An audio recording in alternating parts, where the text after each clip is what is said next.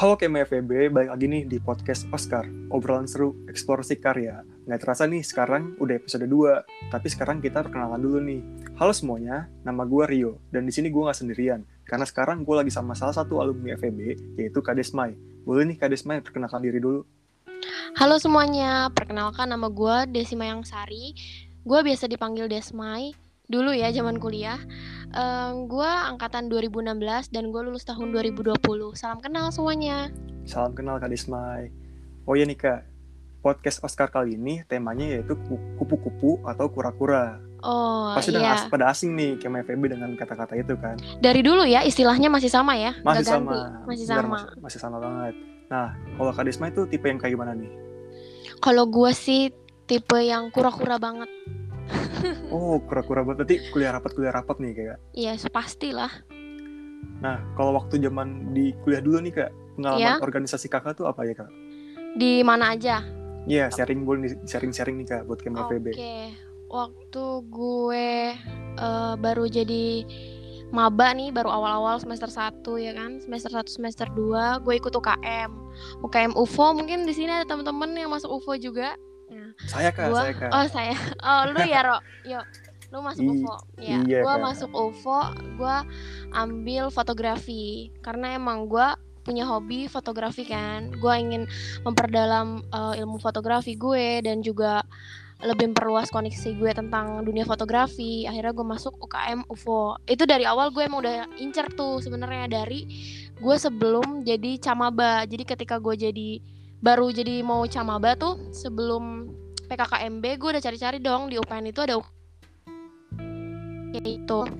Terus se- waktu semester awal gue juga gabung ke paguyuban RCVJ karena gue sebenarnya asalnya dari Bogor.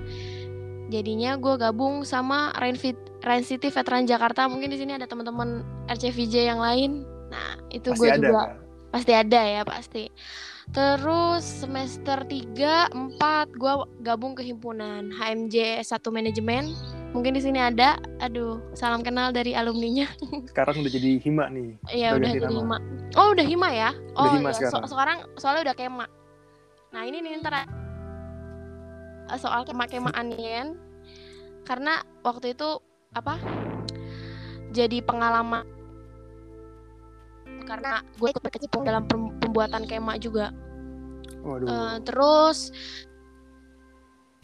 setelah itu di semester semester terakhir gue gue ikut di BEM universitas kayak gitu BMFB nih kak. Oh, BEM di- Universitas ya? universitas BEM dulu belum belum dulu belum ada BEM FEB dan BEM FEB inilah gue juga pernah berkecimpung dalam pembentukan BEM FEB kayak gitu Salah satu founder nih buat nih Kak Desmai. Bis gak bisa dibilang seperti itu secara official ya tapi dulu sebelum jauh sebelum terbentuk uh, BEM FEB dulu uh, gue sempet uh, ikut rapatnya untuk pendirian BEM FEB yang masih ada angkatan 2015 2015 2014 yang masih ada kayak gitu abang-abangan kayak gitu abang-abang Senior-seniornya. angkatan.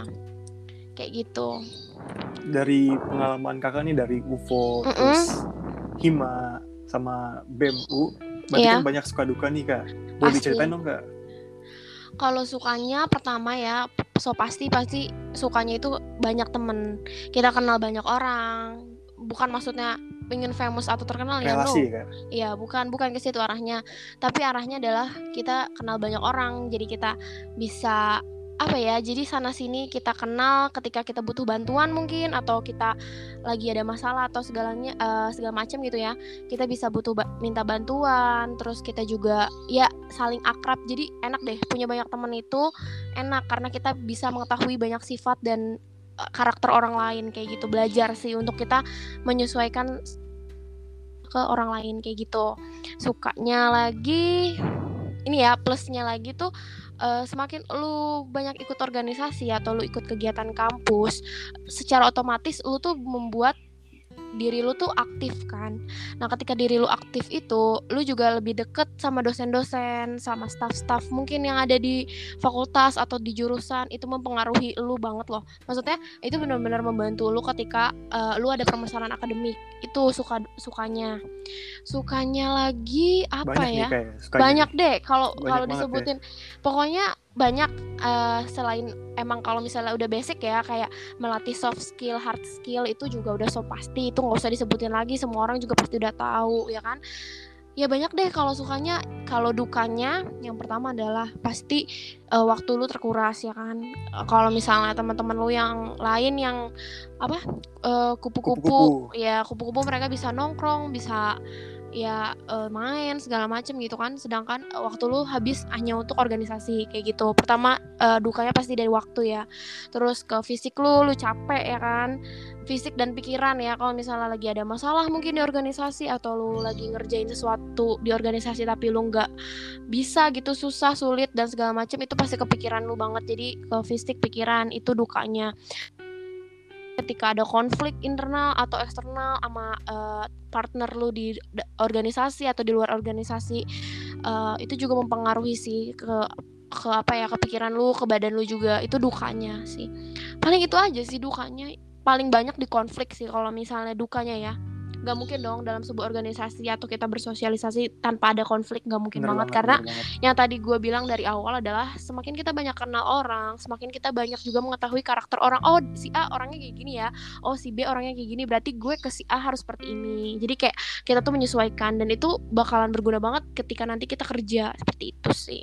dari duka-duka tadi juga jadi ada problem solving ya kak Iya bener banget. Jadi kita bisa eh, apa ya mengetahui ketika terjadi masalah seperti ini nih. Oh berarti gue harus ngelakuin ini. Oh kalau misalnya ada masalah kayak gini, oh solusinya tuh kayak gini. Gue pernah nih yang kayak gini-gini kayak gitu loh. Secara otomatis sudah kayak gitu.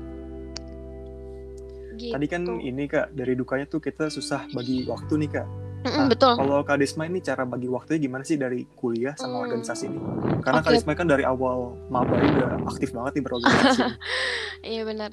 Kalau soal waktu, kalau gue sih orangnya dari dulu emang eh, suka manage waktu banget ya. Maksudnya gue nggak pernah menyanyiakan waktu gue yang ada.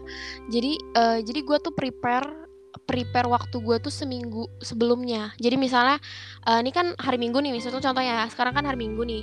Nah gue gue udah ngerencana nih hari Senin sampai Minggu depan itu eh hari Senin besok sampai hari Minggunya gue ngapain aja. Gue udah tahu hari ini gue ke hari Senin gue misalnya ada jadwal ini, ini nih Selasa ini Rabu ini nggak nggak nggak gue catet sih udah Kan kalau terstruktur mungkin- tapi ya iya udah terstruktur di otak gue gue harus ngapain aja. Nah setelah gue gue susun selama seminggu ketika udah hari H misalnya besok hari Senin dan di hari Senin itu gue rinciin lagi oh hari Senin berarti pagi gue ngelakuin ini setelah siangnya gue ini sorenya ini malamnya ini kayak gitu lebih ke terstruktur aja. Eh, maksudnya gue bukan tipe orang yang suka nyatet-nyatet jadwal gitu sih ya, maksudnya kayak setiap orang beda-beda ya. Tapi kalau gue tipikal yang nggak nyatet-nyatet gitu menurut gue agak ribet gitu kan. Tapi mungkin ada eh, beberapa orang yang lebih suka dicatat gitu kan jadwalnya Biar jadi lebih lupa. jelas. Mm-mm, betul. Kalau gue udah kayak otomatis ada di otak gue jadi kayak pagi misalnya gue ngampus misalnya ya. Pagi sampai siang gue ngampus kalau misalnya gue sampai siang doang. Terus berarti siangnya mungkin gue organisasi oke sorenya gue eh, ngerjain tugas kelompok. Oh malamnya gue eh, organisasi lagi. Terus ya udah kayak gitu. Cuman ya emang ekstranya adalah waktu lu banyak di kampus. Istilahnya 24 per 7 le lu di kampus kayak gitu kan. Iya, daripada lu di rumah kayak gitu. Kayak di rumah tuh cuma numpang kasarnya lu numpang makan sama numpang tidur doang kayak gitu. Jadi gue lebih orangnya suka manajemen waktu. Orangnya udah tahu ngelakuin apa aja selama satu minggu ke depan dan satu hari ketika hari itu sudah ada gitu. Maksudnya hari ini udah Senin nih, oh gue harus ngelakuin ini tek tek tek tek gitu. Kecuali kalau misalnya ada yang reschedule kayak misalnya, oh nggak jadi rapat ini reschedule, jadinya rapatnya minggu depan atau eh, rapatnya lusa. Oh ya berarti gue eh, tuker jadwal kayak gitu. Apa yang bisa gue lakuin sekarang, apa yang nggak bisa gue lakuin nanti. Misalnya kayak, oh eh, rapatnya diundur nih jadi lusa. Ah harusnya lusa kan gue ngerjain ta- tugas misalnya tu, eh, jadwal gue ngerjain tugas. Ya berarti gue ngerjain tugasnya di hari Senin kayak gitu aja secara otomatis sih gue kayak gitu. Dan gue orangnya nggak suka menunda-nunda pekerjaan karena gue ketika gimana ya ke- ketika gue udah tahu uh, gue sibuk jadi gue nggak bisa namanya menunda-nunda tugas kampus bukan ya jadi nih, nah iya bukan bukan. Gue lebih baik gue udah kerjain duluan deh gitu kan. Yang penting gue udah selesai. Gue tuh bukan tipe-tipe yang menunda pekerjaan entah apa pun itu ya entah dari pekerjaan di kampus gue di uh, kuliah ataupun di organisasi. Selagi gue bisa kerja mengerjakan itu saat itu juga gue kerjakan. Karena pertama gue sadar diri gue banyak ikut organisasi ya kan? Ketika gue semakin menumpuk deadline gitu semakin gak bisa gue kerjain. Jadi ketika yang tadi gue bilang misalnya ada rapat yang diundur terus yang tadinya gue harus ngerja kerjain tugas di lusa tapi itu adalah jadwal rapat akhirnya gue tuker. Jadi gue kerjain tugas di hari seninnya. Misalnya gue selesaiin semua tugas jadi ke sananya gue jadi fokus ke organisasi kayak gitu sih. Karena gue sadar gue beda sama uh, teman-teman gue yang lain yang mungkin punya waktu lebih banyak dari gue gue selalu berpikiran kayak gitu sih. Gue sadar nih gue gue sibuk gue makan aja gue sampai lupa kan apalagi ke tugas gitu loh. Jadi selagi gue punya waktu gue langsung kerjain kayak gitu. Misalnya ya hari ini dosen langsung ngasih tugas ya gue harus langsung ngerjain kayak gitu. Selagi gue bisa. Gitu sih Berarti bukan tipe-tipe yang deadlineers ya kak? Mm, bukan. Nah itu cara caranya gue bagi waktu gue antara kuliah sama organisasi. Berarti dari organisasi Manager. itu tuh untuk persiapan kerja tuh kira-kira apa aja sih kayak bisa yang bisa diambil nih dari kita yang ikut organisasi? Oke, banyak sebenarnya, banyak banget. Uh, penting apa sih pentingnya lo berorganisasi untuk mendukung lo di dunia kerja ya? Karena uh, kemarin terakhir gue habis interview di interview itu uh, sampai uh, interviewernya itu speechless gitu nah eh kok lu banyak banget ini kegiatannya ketika kuliah? Mereka tuh ngomong gitu kan. Ambis banget organisasi uh, berarti. iya mereka ngomong gitu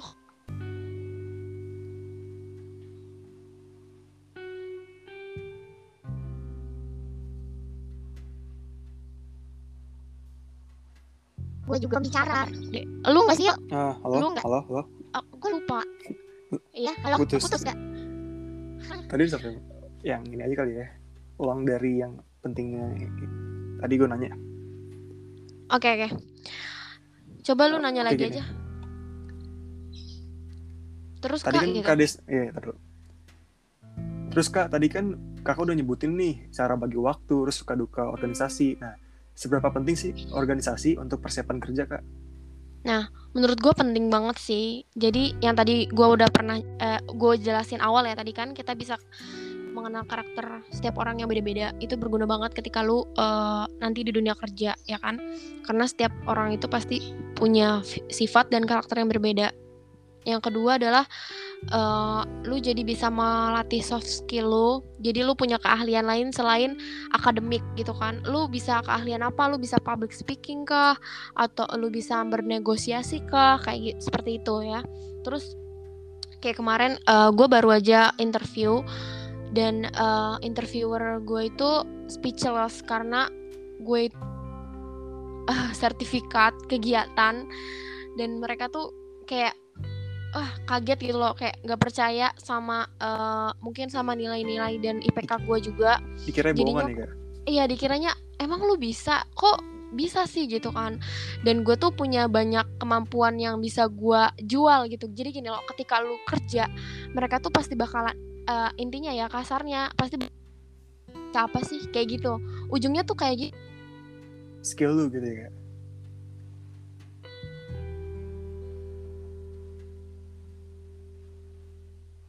Halo. Halo. Halo. Ya, putus, putus lagi. Sampai lu bisa apa uh, sih sampai, tadi oh, ya. setelah itu, setelah itu? Ya, setelah itu tuh pas uh, oke. Okay.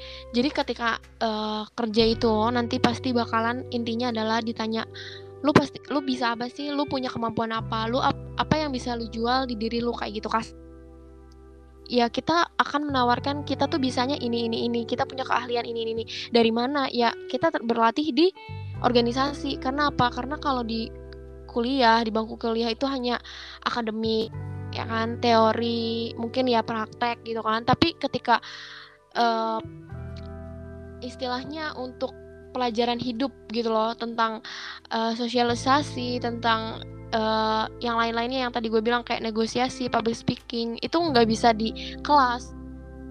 Ya lu bisa dapetin itu di organisasi kayak gitu kan.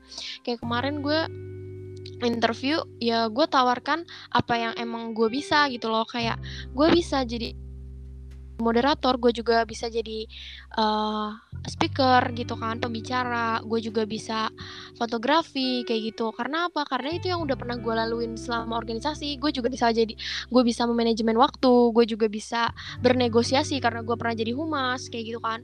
Gue juga bisa jadi interviewer karena gue juga pernah jadi kepala biro SPI di BEM kayak gitu. Jadi mereka bingung oh lu jadi bisa semuanya dong. Ya kalau misalnya dibilang talent itu iya kayak gitu. Istilahnya di organisasi itu kita kayak belajar lah biar nggak kaget-kaget amat gitu. Berarti dari penjelasan yang kak Desmaya kasih nih kita mm -hmm. tuh harus aktif sama ambis buat organisasi kak biar dilirik sama perusahaan-perusahaan.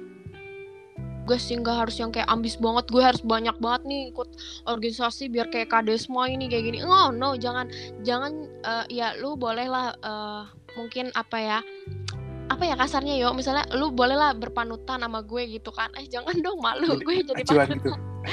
ya, ih, mungkin uh, kayak ih gila kak Desma keren banget tuh bisa empat organisasi. Ah uh, jangan memaksakan uh, jangan memaksakan kehendak lu hanya untuk uh, kepuasan diri lu. Gimana ya maksud gue uh, intinya tuh harus lihat ke diri lu nya juga. Mampu nggak lu? Kemampuan diri kita sendiri iya, gitu ya kemampuan diri kita. Mampu nggak lu antara organisasi yang segitu banyak sama tanggung jawab lu tanggung jawab lu sebagai mahasiswa ya lu kelar kuliah dengan ya alhamdulillah kalau tepat waktu ya intinya kelar kuliah itu tanggung jawab lu gitu kan.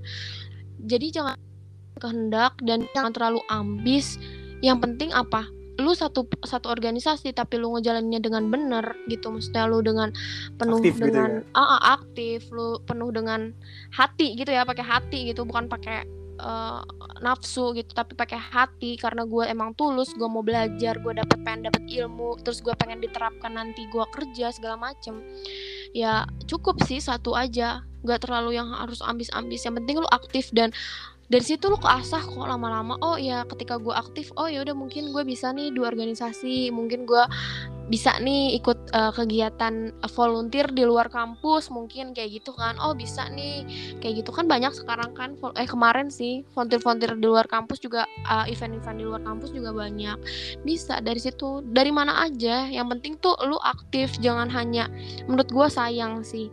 Kalau misalnya waktu lu cuma buat di nyampe di kampus uh, duduk dengerin dosen. Akademik terus doang gitu ya? uh -uh, terus balik. Ya elah sayang banget uang lu sayang banget waktu lu sumpah. Maksudnya ya mat, masa, masa mudanya gitu. ya masa muda lu tuh cuma sekali nggak bisa di nggak bisa dimuter balikin lagi gitu loh maksud gue. Sayang aja kalau misalnya cuma nongkrong nongkrong eh anak organisasi juga nongkrong jangan bilang kayak cupu lu anak organisasi nggak tahu apa apa wah cuma rapat-rapat doang gitu ya iya eh, belum tahu dia maksudnya kita masih kita bisa juga nongkrong, -nongkrong gitu kita ya, iya kita masih bisa juga bergaul kita juga masih mengikuti zaman nggak nggak mungkin ketinggalan tenang aja Kakak mm. tadi banyak banget nih organisasi dari SMP, SMA, kuliah mm, juga banyak kuliah. banget. Nah, mm. pengalaman apa sih yang paling nggak bisa dilupain selama berorganisasi ini?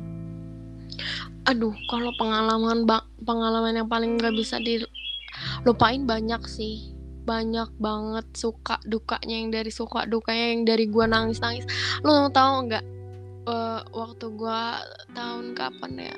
Gua kan pernah ngadain acara musik tuh di salah satu kegiatan dan gue jadi divisi acara asli. itu di mana tuh kak? Di, di himpunan kalau nggak salah di Hima, himpunan. iya Hima asli itu gue pusing. rakyat juga? Bukan. Iya iya iya PRM asli itu gue pusing setengah mampus yo. Lu bayangin itu gue udah mau akhir-akhir uas pertama ya. Gue jadi divisi acara. Aduh gue itu pusing setengah mampus. Gue tiap pulang kampus ya tiap malam. Kan gue pulangnya malam jam 12 kan. Itu gue nangis di motor yo. Saking gue pusingnya sampai gue stres mampus gue tiap pulang uh, rapat tuh ya gue nangis aja di jalan. Mungkin karena gue jadiin itu beban sih karena aduh ya allah kok gini banget? Gue nggak tahu harus mulai dari mana dulu nih. Dengan yang tadinya desi yang yang terstruktur tapi jadi berantakan itu gue kayak aduh gue berantakan banget nih kayak gitu kan. Nggak tahu mana dulu yang harus gue prioritaskan gitu loh. Kayak gue nggak tahu mana yang harus gue dulu gue selesain satu-satu dulu nih kayak gitu kan. Itu sempet bikin gue uh, berantakan tuh momen itu tuh. Sampai gue nangis mulu kerjaannya. Karena tapi udah... ya mepet di semua di hari itu hari itu gitu ya? Uh, bukan di hari itu kayak di bulan itu kayak banyak banget di otak gue yang harus gue pikirin konsep segala macem segala macem. Terus LPJ belum gue susun kayak gitu kan. Terus ini bentar lagi mau uas gitu kan. Untungnya ya banyak juga teman-teman yang support gue gitu untuk gue bertahan. Dan gue misalnya kayak lu pasti bisa lah orang dulu dulu aja lu bisa. Maksudnya sekarang nggak bisa kayak gitu. Udah gue juga nggak yakinin diri gue bisa lah ini mah bisa bisa bisa kayak gitu. Ya udah gue jalanin jalanin. Ya alhamdulillah lancar lancar gitu kan sampai akhir semuanya aja ya kelar gitu kan. Entah gimana caranya gitu entah bagaimana caranya ya pasti bisa. Terus yang paling berkesan banget mungkin pendidikan kali ya ketika ada di klat gitu loh kayak pendidikan hima dasar atau... iya di hima ataupun di, di UKM UFO, di mana pun ya. oke kak tadi kan udah banyak banget nih kak pengalaman organisasi kakak yang udah disebutin nih hmm. nah menurut kak Desmai buat kema FEB atau misalkan mahasiswa baru nih yeah. mana sih kak IPK bagus tapi nggak ada organisasi gitu jadi full gitu di akademik doang gitu kak sampai IPK 4 gitu misalkan mm. atau misalkan IPK-nya ya standar atau enggak menuju ke 4 misalkan tiga setengah ke atas tapi organisasi banyak gitu kak pilih mana? Iya, kalau kalau gitu. kalau gue pilih dua-duanya boleh nggak? Gue egois. Gak boleh gue gue gue gue pengennya organisasi gue lancar, IPK gue bagus tapi kalau misalkan ini nih uh. kadang-kadang kan orang kebanyakan IPK-nya bagus tapi akademik eh, maksudnya organisasinya jelek gitu kan atau nggak ada ya, organisasi Oke, okay. mungkin rata-rata seperti itu ya, tapi rata-rata seperti itu. Ah, uh, tapi nggak menutup kemungkinan lu bisa lu bisa ngelihat contohnya gue deh maksudnya oh sorry gue bukannya maksudnya mau sombong atau gimana maksudnya gue mau jadi bukti lu bisa lu bisa loh lu bisa. Asalkan lu mau seperti niat yang penting cuma niat, niat ya. doang. Ternyata ya yang yang IPK-nya bagus itu pasti semuanya itu pasti ikut organisasi entah itu di tingkat fakultas jurusan universitas atau di tingkat uh, klub pasti ikut. Coba deh taruhan deh sama gue bener. Kayak misalnya gue nih ya Alhamdulillah, wasyukurillah gue juga nggak tahu gimana caranya gue bisa menghadapi tiga setengah tahun dengan penuh struggle banget dengan empat organisasi yang gue ikutin. Tapi gue alhamdulillah wa syukurilahnya gue lancar kuliah gue lancar dengan gue skripsi lancar kak? Ah skripsi lancar ya skripsi gue lancar gue ngambil tiga setengah tahun dengan penuh kenekatan gue dan alhamdulillah gue uh, dinobatkan sebagai uh, eh, IPK tertinggi di jurusan gue di manajemen tahun 2020 berarti. Tiga koma tiga koma delapan sembilan. Dan itu tuh gue kayak merinding. Iya gue lemes. Iya kok bisa? Gue dapet IPK segini. Gimana caranya? Kalau ditanya kak gimana sih kak? Sampai sekarang ya banyak banget uh, adik-adik di manajemen atau ada adik di uh, fakultas ekonomi yang nanya ke gue kayak kak gimana caranya? Lu dapet 3,89 tapi lu banyak organisasi. Sebenarnya gue juga bingung cara ngejelasinnya. Gimana ya? Gue ya kayak kaget sendiri nggak percaya. Tapi itulah usaha gue selama tiga setengah tahun yang menurut gue bener hasil yang sangat memuaskan karena itu hasil diri gue sendiri dengan pure diri gue sendiri. Gini deh uh, dulu ya orang di semester semester akhir itu uh, gue deket sama staff-staff di fakultas. Karena apa? Gue sering bantuin acara fakultas. Misalnya kayak fakultas ngadain rapat uh, dosen gini-gini gue bantu. Apa pun yang uh, yang bisa gue bantu gue bantu. Kayak gitu. Dari situ dosen akan lebih respect ke lu kayak gitu, gitu ya? iya jatuhnya kayak kayak gimana. Dan dia emang uh, bukan anak yang pintar tapi dia itu adalah anak yang mudah paham dan mau belajar. Dosen pasti bakalan uh, akan lebih apa ya respect dengan uh, mahasiswa yang seperti itu mahasiswa-mahasiswa yang seperti itu menurut gue ya. Jadi jangan berkecil hati lu banyak ikut organisasi atau lu ikut organisasi IPK lu jadi kecil enggak malah sebaliknya menurut gue. Dan yang enggak ikut organisasi belum tentu IPK-nya juga bisa lebih besar. Enggak juga. Mm ya gue selalu berpikir gitu sih.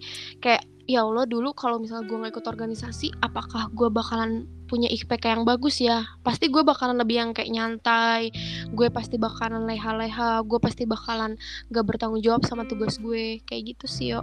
Coba deh lu pikir lagi. Kalau misalnya lu anggapan coba sekarang diri lu nih lu nggak ikut apa-apa pasti lu mager gak sih ngerjain tugas? Kayak ya udah antar aja. Karena nggak ada acuan gitu ya. Nggak ada acuan nggak ada semangat nggak ada motivasi kayak gitu loh Oke, kalau dari pengalaman gue juga gini gitu sih kak. Kayak di Gimana? Info nih, Mm-mm. kan anak manajemennya banyak nih kayak Kak Desmai atau satu yang seangkatan. Nah kalau misalkan ada tugas Iya. itu kita bisa kerjain bareng gitu ya kak. Atau Nah, nanya-nanya itu ke juga, senior yang bener. di organisasi itu gitu. Ah, itu Oke nih kak. Boleh nih Kak Desmai ngasih motivasi buat para kema FEB yang masih ragu atau belum ada niatan ikut organisasi biar selama kuliah nih seenggaknya ikut satu organisasi atau kegiatan mahasiswa karena kan sayang aja gitu kan udah masa muda nggak dipakai buat apa-apa gitu cuma nongkrong-nongkrong doang Oke. Oke, buat teman-teman semuanya eh, dari gue jangan pernah merasa ikut organisasi. Apa yang apa sih yang jadi bahan pertimbangan lu untuk ragu masuk organisasi? Jangan buang-buang waktu lu di kampus buat hal-hal yang menurut gue yang hanya cuma nongkrong. Ya, ya lu bisa masih bisa nongkrong kok di organisasi. Jangan lu punya anggapan di organisasi nggak bisa nongkrong, enggak, sama sekali enggak dan jangan pernah ragu IPK lu akan turun di organisasi? Enggak. Yang tadi gue udah jelasin panjang lebar itu malah mendongkrak IPK lu bisa. Jangan berpikir enggak ada yang harus lu ragukan sebenarnya ketika lu memilih masuk organisasi. Coba coba dulu masuk menurut gue coba dulu masuk. Jangan jangan takut. Kayak mungkin gini yo bukan ragu. Ragunya itu bukan karena Takut IPK bukan karena itu. Yang gue rasain ya ketika gue awal-awal mungkin jadi maba gue tuh kayak takut pertama adalah yang gue takutkan adalah gue keterima nggak ya di sana? Kayak gitu loh kayak gue udah yang kayak minder aduh teman-teman gue pada jago-jago banget ngomong gitu kan. Waktu seleksinya gitu ya? Iya iya gak sih? Kalau gue mikirnya kayak gitu yo. Kalau gue mikirnya kayak gitu awal ya. Terus yang gue analisis ya dari adik-adik gue tuh kayak takut aduh kak gue gue gak punya pengalaman loh. Gue nggak pernah ikut apa-apa di SMP SMA bahan pertimbangan lu lu nggak diterima lu show up lu tunjukkan lu tuh siapa kayak gitu. Organisasi tuh ma- lebih mau mau tahu real sebenarnya lu tuh kayak gimana sih orangnya? Sesimpel itu nggak harus yang kayak gue punya pengalaman lalala itu sebagai nilai plus lu. Tapi kita lebih cari lu tuh seperti apa orangnya? Lu bisa apa? Oh lu punya keahlian ini ternyata gitu loh. Jadi banyak yang menurut gue yang ragu itu yang mungkin mereka jadi mengurungkan dirinya untuk ikut organisasi bukan karena yang tadi alasan-alasan yang klasik kayak gitu ya kalau sekarang mungkin kayak lebih takut. Gue takut kak ikut oprek takut gue diterima gue. Gue takut nih Udah wawancaranya. gitu ya, iya udah minder duluan. No jangan. Sih banyak orang yang takut takut kayak takut takut kak sebenarnya gue daftar takut gue ditolak kayak gitu loh. Gugup gitu ya kayak gugup gitu. Ya oke lah lu gugup tapi jangan sampai lu minder kayak gitu. Jangan sampai oke kak. Udah deh kayak gitu. Makasih banyak banget nih kak udah ngasih Mm-mm. insight buat kema FEB tentang organisasi. Iya. Sama-sama kok. Mm-mm. sekian dari podcast Oscar episode 2 gua Rio. Dan gue Desmai. Salam kenal semuanya. Oke. Kita pamit ya guys. Ya bye bye terima kasih semuanya udah dengerin podcast Oscar. Ya, semoga nggak bosen ya. Dan ambil ilmunya. Bye bye.